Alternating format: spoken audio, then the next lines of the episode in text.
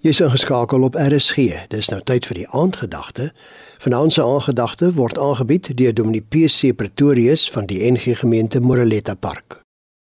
Goeienaand. Ons gesels hierdie week so 'n bietjie oor die oploop tot Pinkster en die werking van die Heilige Gees in ons lewe.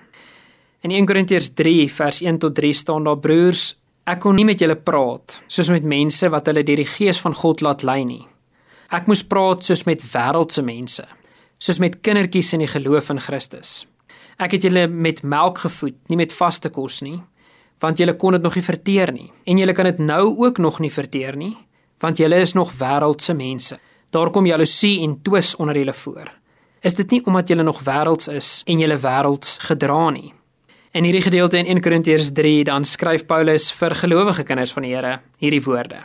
Dis eintlik nogals harde woorde want hy tref eintlik die onderskeid tussen of as jy vlees beheerd en of as jy gees beheerd. Ons besef hier dat die Heilige Gees die verskil maak tussen daai twee. As ons vlees beheerd is, dan kom ons eie willigheid baie keer na vore. Die eie ek of dit wat vir my belangrik is om die Here te vra om my koninkryk te bou in plaas daarvan dat ek vir hom vra hoe ek sy koninkryk kan bou. Dan sien ons gebeur 1 Tessalonisense 5 vers 19 waar ons so 'n bietjie die werking van die Heilige Gees in ons lewe teenstaan. Of daar's dalk sekere dinge in ons lewe wat ons toelaat wat die Heilige Gees bedroef. Sekere iets wat nie in sy wil vir ons lewe is nie. Of dit kan wees dat ons versuim om te doen wat God vir ons sê om te doen. Laastens kan dit miskien wees dat daar een of ander afgod in ons lewe is. Dis nie tyd vir God en vir sy dinge nie, want my lewe word beheer deur ander dinge die eie ek of geld of eer of vermaak besig met tydelike dinge. Vrees om die lekker dinge van die lewe te verloor. Matteus 6:33 sê vir ons soek allereers die koninkryk van God.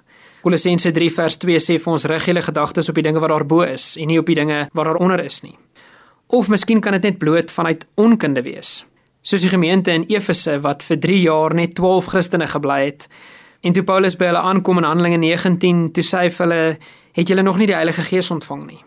Die oomblik toe die Heilige Gees in hulle lewe begin beweeg en hulle 'n geesbeheerde Christen word en nie 'n vleesbeheerde Christen nie, toe kom daar ongelooflike groei en vermenigvuldiging in hulle kerk.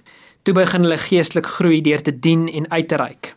Toe begin hulle 'n voorbeeld wees deur vrug te dra, soos Galasiërs 5:22 vir ons sê.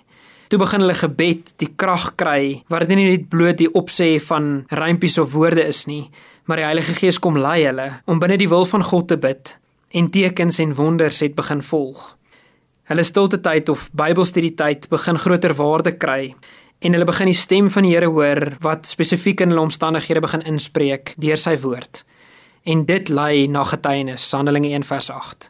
Die Heilige Gees in beheer van my lewe lei my om by die regte persone met die regte woorde en die regte toerusting die gawes van die Heilige Gees te laat leef en daar verander mense se lewens voor my.